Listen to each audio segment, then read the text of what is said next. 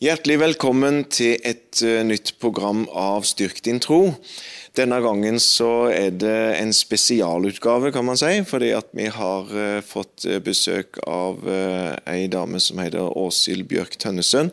Og hun har et budskap, hun har fått et syn som hun skal dele med oss her på programmet på kanalen vår denne gangen. Så vi skal i grunnen bare ønske hun velkommen og introdusere litt grann før hun går på.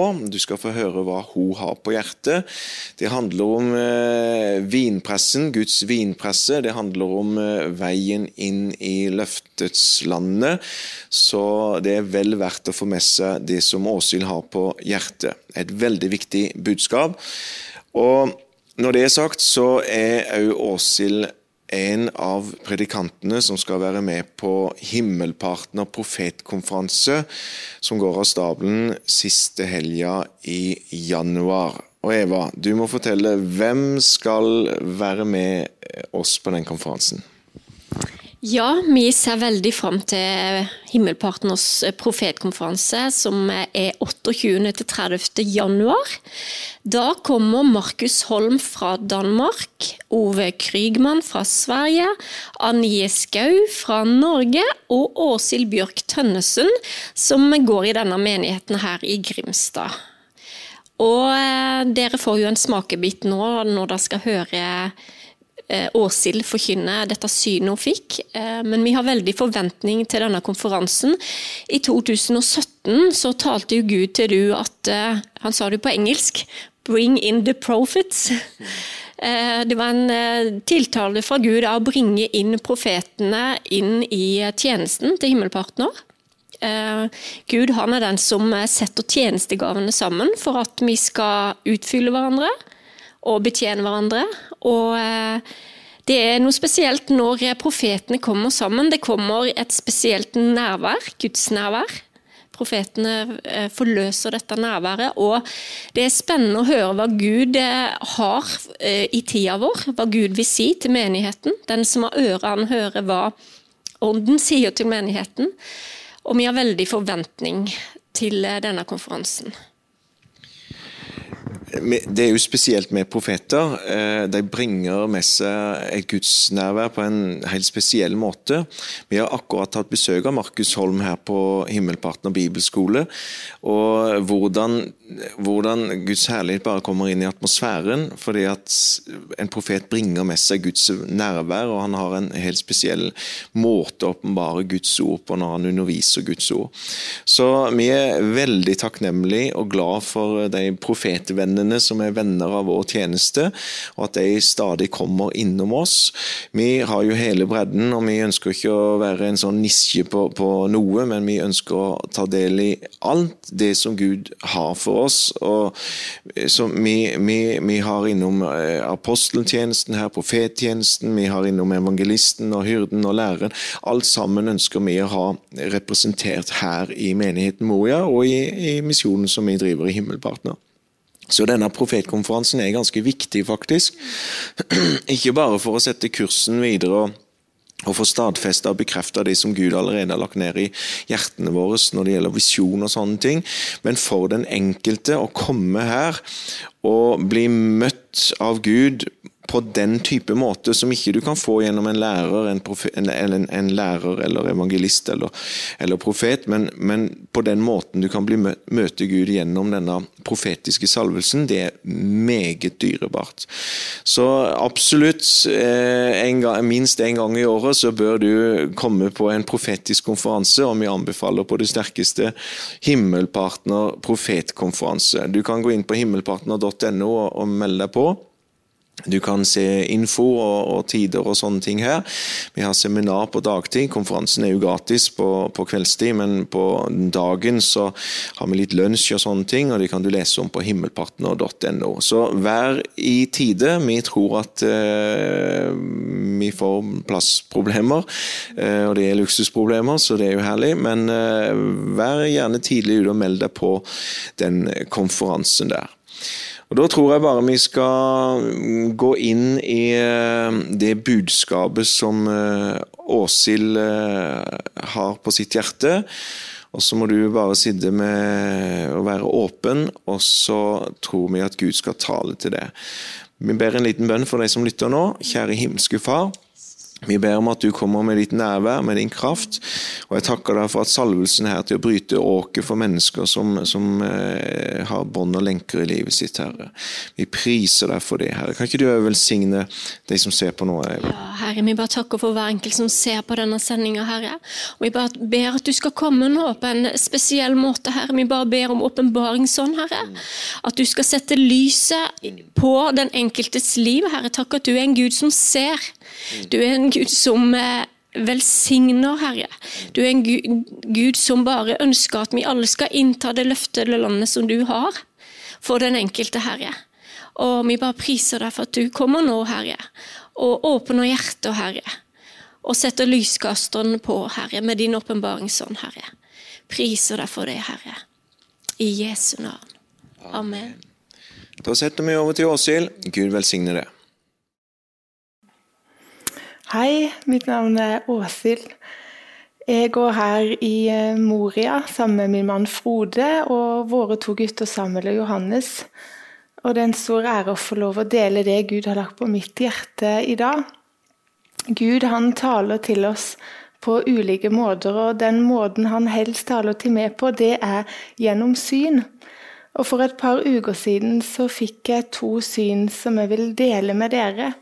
Og Det første jeg så, det var et stort, brunt kar.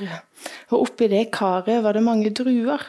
Og så så jeg en dame som gikk der barføtt og tråkka og trampa på de druene. Det var et sånn et pressekar som de brukte før når de skulle lage vin. Og når jeg så det, så skjønte jeg hvor Gud ville hen. For på samme måte som druene blir pressa, så kan vi mennesker oppleve at vi kommer i perioder hvor vi blir pressa, sånn at ny vin kommer ut av oss. På samme tid så fikk jeg se et annet syn, og da så jeg mange mennesker som sto på rekke og rad foran en startlinje. Alle så hadde de en snor med et kompass rundt halsen, og i hendene hadde de et kart.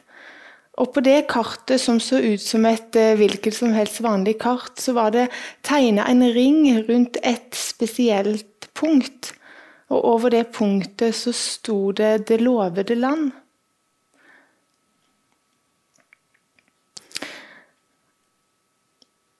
Og Det som er til felles med de her menneskene, det er at de alle har fått et løfte.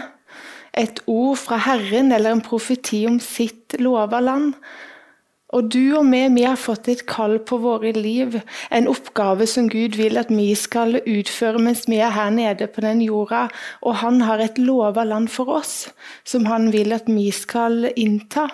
Og han hadde et lova land for israelsfolket når han leda de ut av Egypt.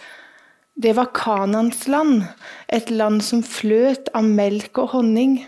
Et land han ville de skulle innta og leve og bo i et land han hadde forberedt for dem. Og Gud han har forberedt et land for du og for meg her nede.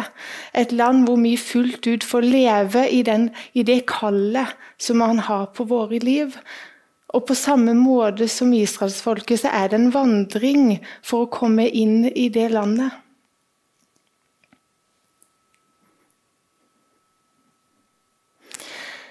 Før startskuddet går, så får jeg lov til å se litt av hva som befinner seg foran de her menneskene. Og det jeg ser, er at alle har én sti.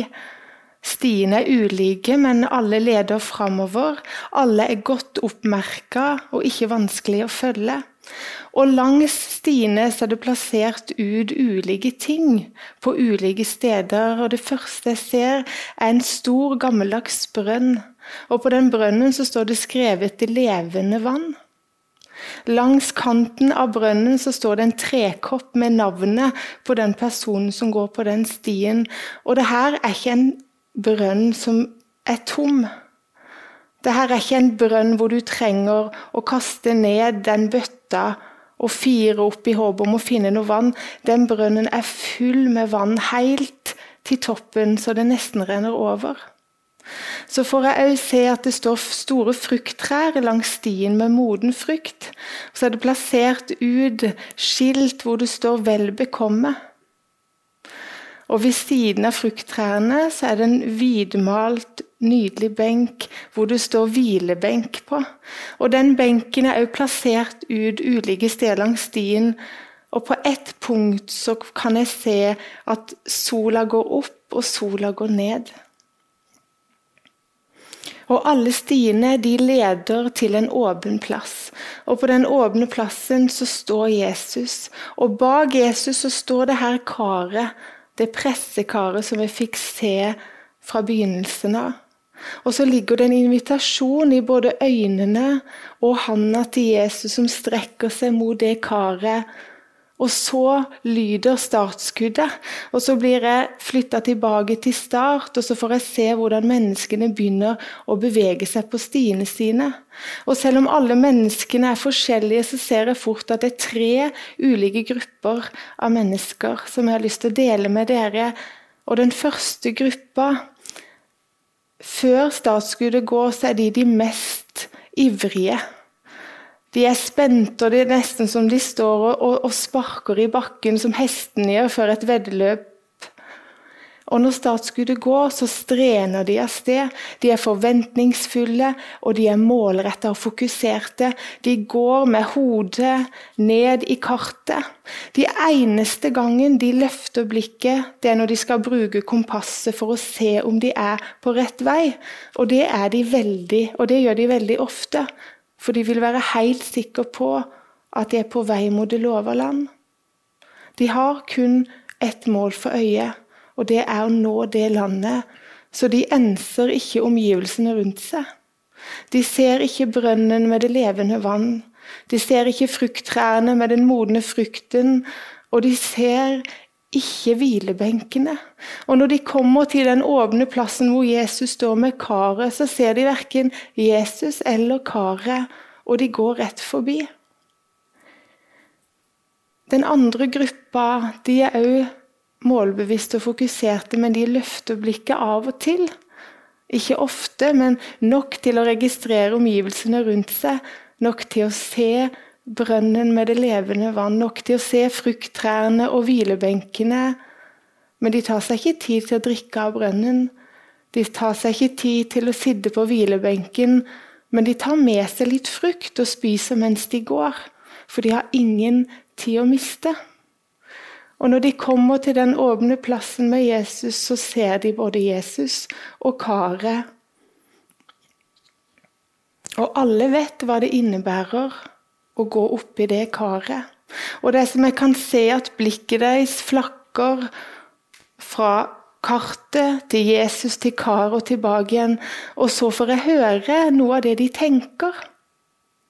Det her er ikke plassert på mitt kart. Det her er ikke en del av min plan. Jeg har ikke tid til å stoppe her. Jeg orker ikke smerten med å legge meg ned i det karet. Og så får jeg høre noen få som sier 'Jeg har vært der en gang før', og det får holde. Og så fortsetter alle som en forbi Jesus og karet. Og det som jeg ser er likt med de to gruppene, er at idet de passerer Jesus, så blir det lova landet det blir fjernere og fjernere. Og jeg får også se at Gud i sin nåde setter Jesus og karet foran de gang på gang, men de fortsetter. Den siste gruppa de er òg målbevisste og fokuserte, men når startskuddet går, så har de et smil om munnen. De går med lette steg, og innimellom ser det ut som om de danser. Kompasset det henger rundt halsen og kartet det er sammenbretta i den ene hånda fordi de vet hvor de skal. Og de har ikke tenkt å gå glipp av alle velsignelsene og mulighetene langs veien, for de vet at reisen er avgjørende for å nå målet. Så de tar seg tid til å drikke av brønnen med det levende vann. De spiser av frukttrærne. De setter seg på hvilebenkene og nyter soloppganger og solnedganger. Og når de kommer til den åpne plassen med Jesus og karet, så stråler øynene deres som kapp med hjertet. Og selv om alle vet hva det innebærer å gå opp i karet, og selv om alle skulle ønske at de slapp, så er det ingenting de heller vil gjøre, for de vet at når hyrden, når deres herre ber de om å gjøre noe, så vil de adlyde, og det han ber de om, det er til det beste for de sjøl. Så alle som en tar tak i handa til Jesus, som hjelper de oppi det pressekaret. Og idet de skal legge seg ned, så forsvinner druene under de, og så blir det til et alter. Et gammelt steinalter hvor det står gravert inn noen tall. Der står det 11827. Og Den hellige ånd hvisker til meg at det er salme 118, 27. Og der står det Bind høytidsofferet med rep like inn til alterhornene. My er det høytidsofferet, og på alteret i tabernaklet så var det sånne, alt, sånne horn. Og jeg syns i den engelske oversettelsen, The Passion, det syns jeg er så vakkert, for der står det Tied tightly to your altar, I will give you praise. Tett bundet til ditt alter gir jeg deg ære. Og vi gir Gud ære med våre liv når vi velger å gå opp i det karet og legge oss på Guds alter. Og av og til så må vi faktisk binde oss fast. For at ikke vi i vårt ubehag skal reise oss der før tida er inne til å gå. Og mens de ligger på det alteret, så får jeg se hvordan Gud begynner å behandle menneskene. Jeg får se hvordan Guds lys og Guds ild begynner å lyse opp hjertet. Og jeg får se hvordan Guds lys åpenbarer mørke områder i hjertet. Hvordan Guds lys åpenbarer sår i sjela. Og så får jeg se hvordan Gud heller sin salveolje i såret, og så forbinder det. Jeg får se hvordan Guds lys åpenbarer demoner, sånn at de sprekker som troll. Jeg får se hvordan Guds lys åpenbarer rom i dypet på menneskene. De rommene som man har lukka døra til. De rommene med smerte, med traume, med utilgivelighet, med bitterhet, med frykt. Og Jeg får se hvordan Guds ild renser ut de rommene, så de blir gullende reine. Jeg står og ser på hvordan Gud renser sitt folk. Hvordan han på samme måte som druene blir pressa, presser menneskene sånn at det til slutt renner Jeg kan se at det begynner å piple vin ut av kroppene til de menneskene. Og hvordan de blir gjennomlyst, hvordan alt inni de blir lyst. Og når de da tar tak i Jesu han som reiser de opp fra karet, så får jeg se og kjenne en hellighet over de menneskene som ikke var der før. En ny kraft, en ny autoritet, en ny fred. Og for noen av de, og det er et ord til noen som hører på For noen av de så kan de gå rett ut fra karet og inn i det lova landet. Vi kan ha områder i livet vårt som trenger å bli lekt og rensa. Vi kan ha områder vi er bundet på som vi trenger å bli satt i frihet fra. Vi kan ha områder som trenger å bli helliggjort. Og jeg tror vi er i en tid, en forberedelsestid, hvor Gud forbereder sin, hvor Jesus forbereder sin brud. Og for mange av oss så tar han oss til side denne tida og renser oss og leger oss og istandsetter oss og forbereder oss for det som kommer. Han kaller oss til helliggjørelse, og jeg har lyst til at vi skal se litt på det ordet For på hebraisk så kommer ordet 'hellig' av et ord som betyr å kappe av eller skjære bort. Og det ble ofte brukt om en slakter som hadde et kjøttstykke som man deler i to og legger den ene til sida. Å være hellig betyr å bli tatt ut av en del og lagt til side for en hensikt. Og vi som tilhører Jesus, når vi tar imot Han, så blir vi tatt ut fra denne verden, så blir vi innvia til Gud. Og i det frelsesverket som Jesus gjorde på Golgata, når vi tar imot Han, så blir vi fullt ut rettferdiggjort og fullt ut helliggjort. Jeg har lyst til å lese to vers som sier det. I Romerne 8,30. Og dem som han forut har bestemt, dem har han også kalt. Og dem han har kalt, dem har han også rettferdiggjort. Og dem han har rettferdiggjort, dem har han også herliggjort. I Efeserne 1,4 så står det slik som Han utvalgte oss i ham før verdens grunnvoll ble lagt, for at vi skulle være hellige og ulastelige framfor ham i kjærlighet. Det er sant at vi er helt gjennom helliggjort i Jesus, men det er like fullt ut sant at Gud kaller oss til helliggjørelse. Og det vil i praksis si at vi lever etter det Gud allerede har virka i oss. At vi blir mer og mer lik Jesus. I 2. Korinter 7, 1 så står det Derfor, mine kjære, da vi har disse løftene, så la oss rense oss fra all urenhet på ånd og kjøtt og fullføre vår helliggjørelse i frykt for Gud. I 1. Tessaloniker 4,7 så står det for Gud kalte oss ikke til urenhet, men til helliggjørelse. Og 1. Peter 1,15 men slik som Han kalte dere hellig, slik skal også dere være hellige i all deres ferd. For det står skrevet dere skal være hellige fordi jeg er hellig.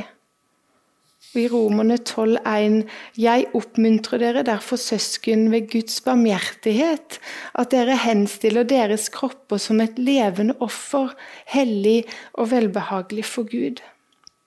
Helliggjørelse det handler om å bli oppdratt sånn at Kristus vinner skikkelse i oss. Det handler om at vi stadig mer og mer blir prega av Guds hellighet i våre liv. Og det er en prosess som varer fram til vi kommer hjem til Han i himmelen. Og hvordan blir vi lik Jesus? Jo, det vet vi. Det er med å tilbringe tid med Han. Med å være i tilbedelse, ved å lese Guds ord. Men vi blir det òg ved å bli oppdratt, ved å bli rensa og lutra. Og jeg syns det er to fine vers om akkurat det med renselse. Den første står i Salme 66, 10. For du, Gud, har prøvd oss.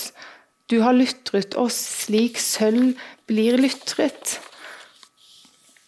Og I Johannes 15,1 så står det 'Jeg er det sanne vintreet, og min far er vingårdsmannen'. Hver gren på meg som ikke bærer frukt, tar han bort, og hver gren som bærer frukt, beskjærer han, så den kan bære mer frukt. Og det ordet 'beskjære' på gresk betyr nettopp det å rense og lytre. Og Gud han renser oss fra ting som ikke er til behag for Han. Han renser oss fra ting som kan gjøre at vi har det vondt inni oss.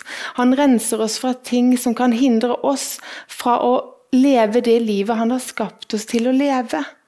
Ting som kan hindre oss fra å innta det lova land som han har for, for våre liv. Og hvorfor renser han oss? Først så vil jeg si at det å bli rensa, det er smertefullt. Det er smertefullt når Gud åpenbarer synden i livet vårt som vi må ta et oppgjør med og omvende oss fra. Det er smertefullt når Gud åpenbarer sår som vi har i sjela. Det er smertefullt når Gud med sitt lys åpenbarer de rommene som vi har lukka døra til og kanskje kasta nøkkelen til. De rommene med smerte, med ubehandla traume, med frykt, med forkastelse, med hat. Jeg vet litt om det å bli rensa. Og jeg har ikke tenkt å stå her og dele min livshistorie, men jeg har lyst til å si kort noen få ting, sånn at du skal forstå at jeg står ikke her og, og snakker om noe ikke jeg lever sjøl. Selv. om jeg har vokst opp i en trygg og god familie, så har jeg fått eh, smake noe av denne verdens ondskap. Eh, fra jeg var åtte år til jeg var 19, så er jeg blitt misbrukt og dratt inn i et satanisk miljø. Da jeg var ni år gammel, så ble jeg gifta vekk til djevelen. Og alle de åra det gjorde noe med meg som menneske. Det ødela ikke bare kroppen min, men det ødela følelseslivet mitt og tankelivet mitt. Og jeg, Siden jeg var liten, jeg har trodd på Jesus, men jeg forsto ikke hva han kunne gjøre. Jeg forsto ikke at det er han som kan ene og alene kan lege mitt sønderknuste hjerte og forbinde mine smertefulle sår. Og det var først når jeg tillot han å komme inn i mine rom, at jeg ble fri. Og det med tillatelse, det er et viktig nøkkelord for Gud. Han kommer ikke busende inn. Han låser ikke opp de dørene og kommer inn i ditt hjerte hvis ikke du inviterer han. Og det var først når jeg gjorde det og sa Jesus, jeg overlater alt det her til du, må du rense meg og må du lege meg sånn som du kan. Hadde ikke jeg gjort det, så hadde ikke jeg kunnet stå her i dag. Han har rensa, han har lutra meg, han har istandsatt meg, han har reist meg opp og gitt meg den dronningverdigheten vi alle har fått. Men vi mennesker vi vil helst ikke kjenne på smerte. Vi vil helst ha det komfortabelt. Og når vi opplever vonde ting, så det vi ofte gjør, det er at da legger vi lokk på det, så bare legger vi det her nede, og så tenker vi ikke på det. Og så har mange tror de at eh, så lenge ikke jeg tenker på det, så eksisterer det ikke, så forsvinner det til slutt. Men det gjør ikke det. Hvis ikke vi lar Gud få komme inn og lege det, så vil det alltid være der. Og Gud han renser ikke oss fordi han vil at vi skal ha det vondt. Han renser oss fordi han vil at vi skal ha det godt. Det er nåde over nåde når Gud stiller det karet foran oss. Og jeg syns det står så nydelig i 3. Johannes 1,2.: Du elsker det. Jeg ønsker at du i alle deler må ha det godt og være ved god helse, like som din sjel har det godt. Det er Guds hjerte for oss. Han vil at vi skal ha det godt på alle plan. Og så tror jeg det er én grunn til for at han renser oss. Og det er fordi at han istandsetter oss og fordi at han har bruk for oss. Vi er kalt til å være lys i denne verden. Og da trenger vi at hans lys gjennomstråler oss. Da trenger vi at alt det mørke i oss forsvinner, så vi kan være det lyset han har kalt oss til å være i denne mørke verden. Han renser oss for at vi skal ha det godt, men òg for at vi skal få lov å leve det livet han hadde tenkt, for at vi skal få lov å vandre i det kallet han har på våre liv, så at vi kan få lov å leve i det lova land som flyter med melk og med honning. Og så er det så viktig for meg å si at eh, vi skal ikke gå rundt og grave i fortida. Det er Den hellige ånds arbeid å peke på ting i våre liv. Vi er kalt til å leve. Vi er kalt til å vandre med Jesus på vår sti. Vi er kalt til å elske Han og bli elska tilbake og vandre inn i de gjerningene som Han foran, på forhånd har lagt klare for oss. Vi er kalt til å drikke av brønnen med det levende vann. Vi er kalt til å spise av frukttrærne. Vi er kalt til å sitte på hvilebenkene når det trengs, og nyte soloppganger og solnedganger. Men de gangene Jesus kommer med det karet, så må vi velge å være lydige.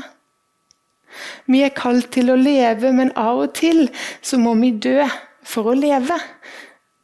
Og det er det som skjer når vi går oppi i det prestekaret. Da dør vi på oss sjøl. Vi dør i kjøttet vårt, i vilja vår.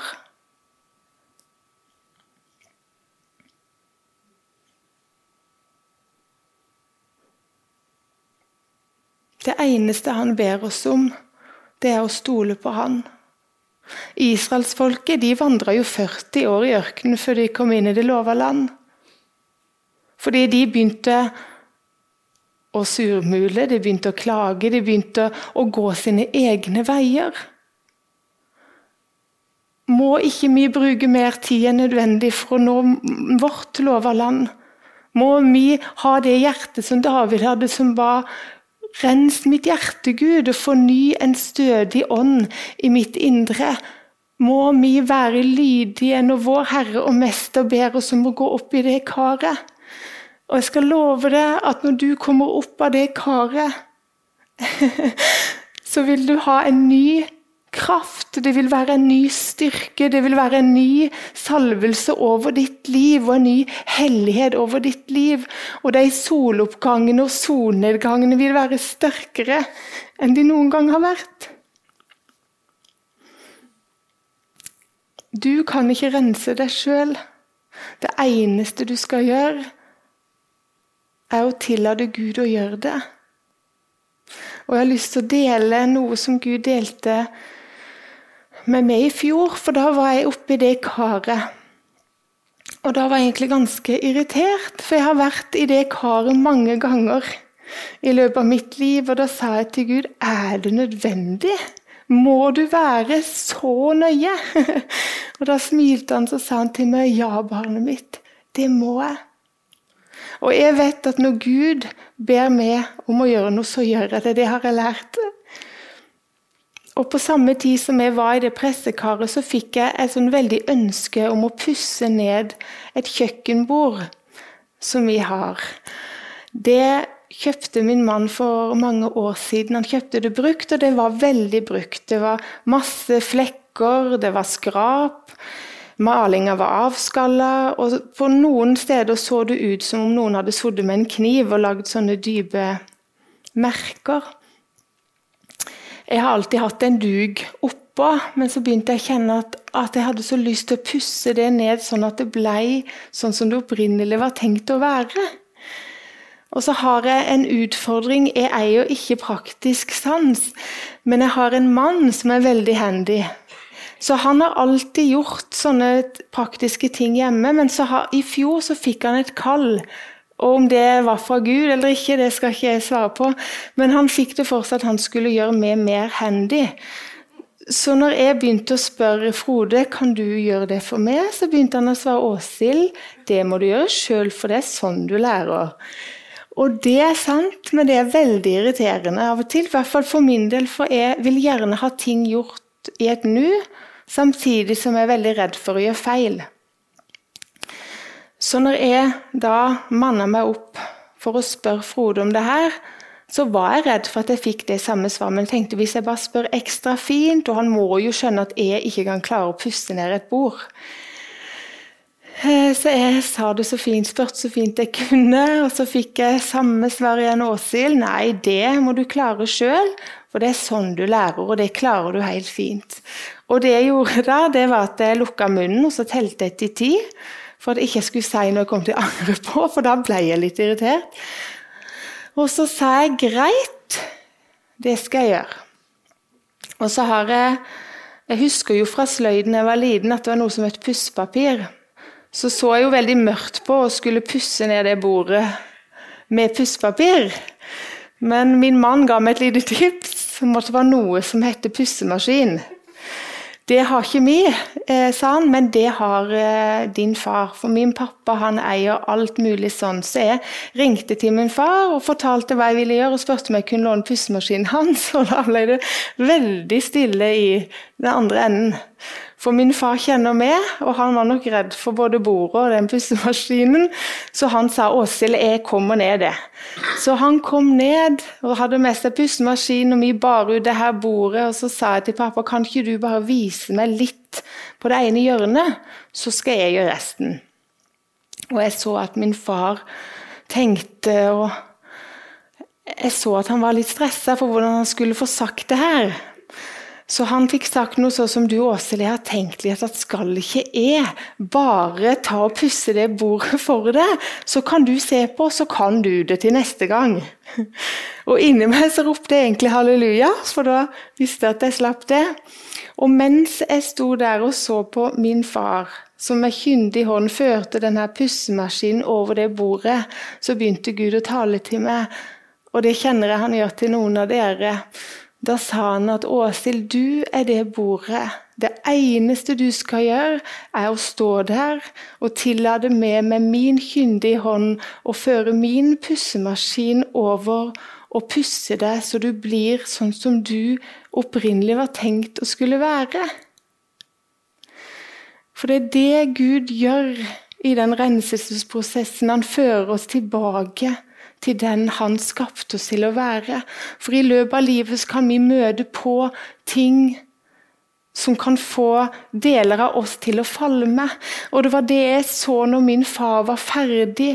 Så fikk jeg se hvordan de årringene var sterkere enn de hadde vært. Og da sa Gud til meg at du har hatt farger i ditt liv som har vært falma.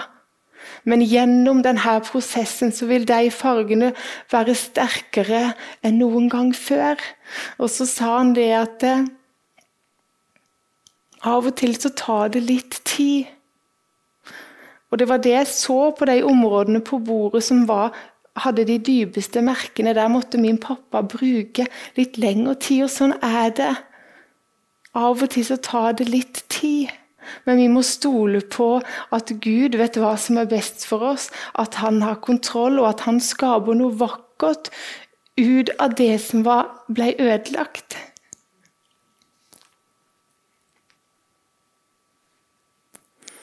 Akkurat nå så stiller Jesus det karet foran noen av dere. Og jeg kjenner det mennesker som har sår i sitt hjerte som ikke er lekt. Og jeg kan se mange rom som er låst, og som inneholder mye mørke. Og Jesus han står der med handa og spør om du er villig til å ta tak i den handa, så han kan hjelpe deg oppi. Og akkurat nå eh, så er det noen av dere som går igjennom en renselse som ligger på Guds alter, og som kjenner at du blir pressa så til de grader at du føler at det er ikke noe mer igjen av det. Men jeg kjenner at akkurat nå så vil Gud med sin hellige ånd forfriske du. Han vil gi deg ny kraft og ny styrke, og han vil føre deg inn til kjernen i den stormen du er så er det et stille sted midt i stormens øye, og han vil lede deg med sin hand inn der, inn til hans hjerte, hvor du skal få kjenne hvile midt i det vanskelige, midt i den prosessen du er i. Og han sier at du skal ikke frykte. Vær ikke redd, for jeg er med deg. Se deg ikke rådvill omkring, for jeg er din Gud. Jeg styrker deg, jeg hjelper deg, og jeg holder deg oppe med min rettferds høyre hånd. Og så kjenner jeg at jeg har lyst til å oppmuntre Oppmuntre deg til å spørre Gud akkurat nå Er det noen områder i mitt liv som du ikke har behag i? Er det noen områder i mitt liv som du trenger å leke eller sette meg i frihet fra? Og så vil han der du er, svare. Vi har med en mektig Gud å gjøre. Det er ingenting som er for vanskelig for han. Og du trenger ikke ha vært gjennom samme ting som meg, men jeg tror at vi alle, i hvert fall én gang, bør være oppi det karet fordi vi lever i en verden som ligger i det onde, og alle så møter vi på ondskap. Og så er vi så heldige at vi har ett håp. Og det håpet det har et navn, og det navnet er Jesus. Og Jeg har bare lyst til å be litt for du som hører på. Jeg bare takker deg, Gud, For at du med din Hellige rører med menneskene som sitter og hører nå. Takk at du elsker dem. Takk at du har kalt dem med et hellig kall. Takk at du har bruk for dem i denne tida. Og så ber jeg bare Gud om at du akkurat nå åpenbarer de rommene, de såra som du ser trenger å bli lekt, og som trenger å bli rensa. Og så bare ber jeg Gud for de som går igjennom de her tøffe renselsene akkurat nå. Jeg bare takker deg for din fred over dem. Takk at du leder dem inn til ditt hjerte, hvor de kan finne din hvile. Og jeg takker deg at de skal få ny kraft og ny styrke. Og takk at de skal få lov å stå opp med ny kraft, med ny autoritet idet de kommer ut av det karet. Og jeg takker deg for at det lover land etter karet så vil det lova land være mye nærmere enn det noen gang har vært. Takk at du rører og taler til mennesker akkurat nå. Takk at vi kan bryte frykt over menneskers liv akkurat nå. Jesus. Jesus. Og så blir jeg minnet om å dele jeg tror det sitter noen mennesker som, eh, som, bærer på skuffelse over at ting ikke ble sånn som du hadde tenkt. Eh, for en stund siden så tok Jesus meg i handa og sa han til meg at jeg vil vise deg noe. Så førte han meg inn i et hus, åpna en dør, og den døra førte ned til kjelleren. Og Jeg har vært i den kjelleren mange ganger, og det er gjerne et bilde på ting i mitt liv som han trenger å belyse. Og selv om jeg ikke er innerst inne, så hadde jeg ikke lyst til å være med Jesus ned der, for jeg var redd for hva jeg ville finne. Men jeg valgte å gå med han, og når jeg kom ned, så så jeg at alt så lyst ut. Men så førte han meg til et lite hjørne, og der lå det en liten kiste som var lukka. Og så sa han at i den kista så ligger det skuffelser over at ditt liv ikke ble sånn som du hadde tenkt og håpet. Og jeg har lyst til å dele hva han gjorde med meg, for det er noe han vil gjøre med noen av dere. Han spurte meg vil du åpne den kista. Så sa jeg ja, det vil jeg. Så tok han meg i handa, så løfta jeg opp kista. Så førte han meg ut av huset og inn i eh, Det så ut som en blomstereng. Masse blomster og frukttrær. Og så kom jeg til midten, og der var det gravd ut. Fra jorda så var det gravd opp et lite hold, og så sa Jesus du kan legge kista oppi der. Så la jeg kista oppi der, og så kom Gud og Den hellige ånd, og de sto rundt meg. Og så åpna jeg den kista med all den skuffelsen, all den bitterheten og til og med sinnet jeg hadde hatt.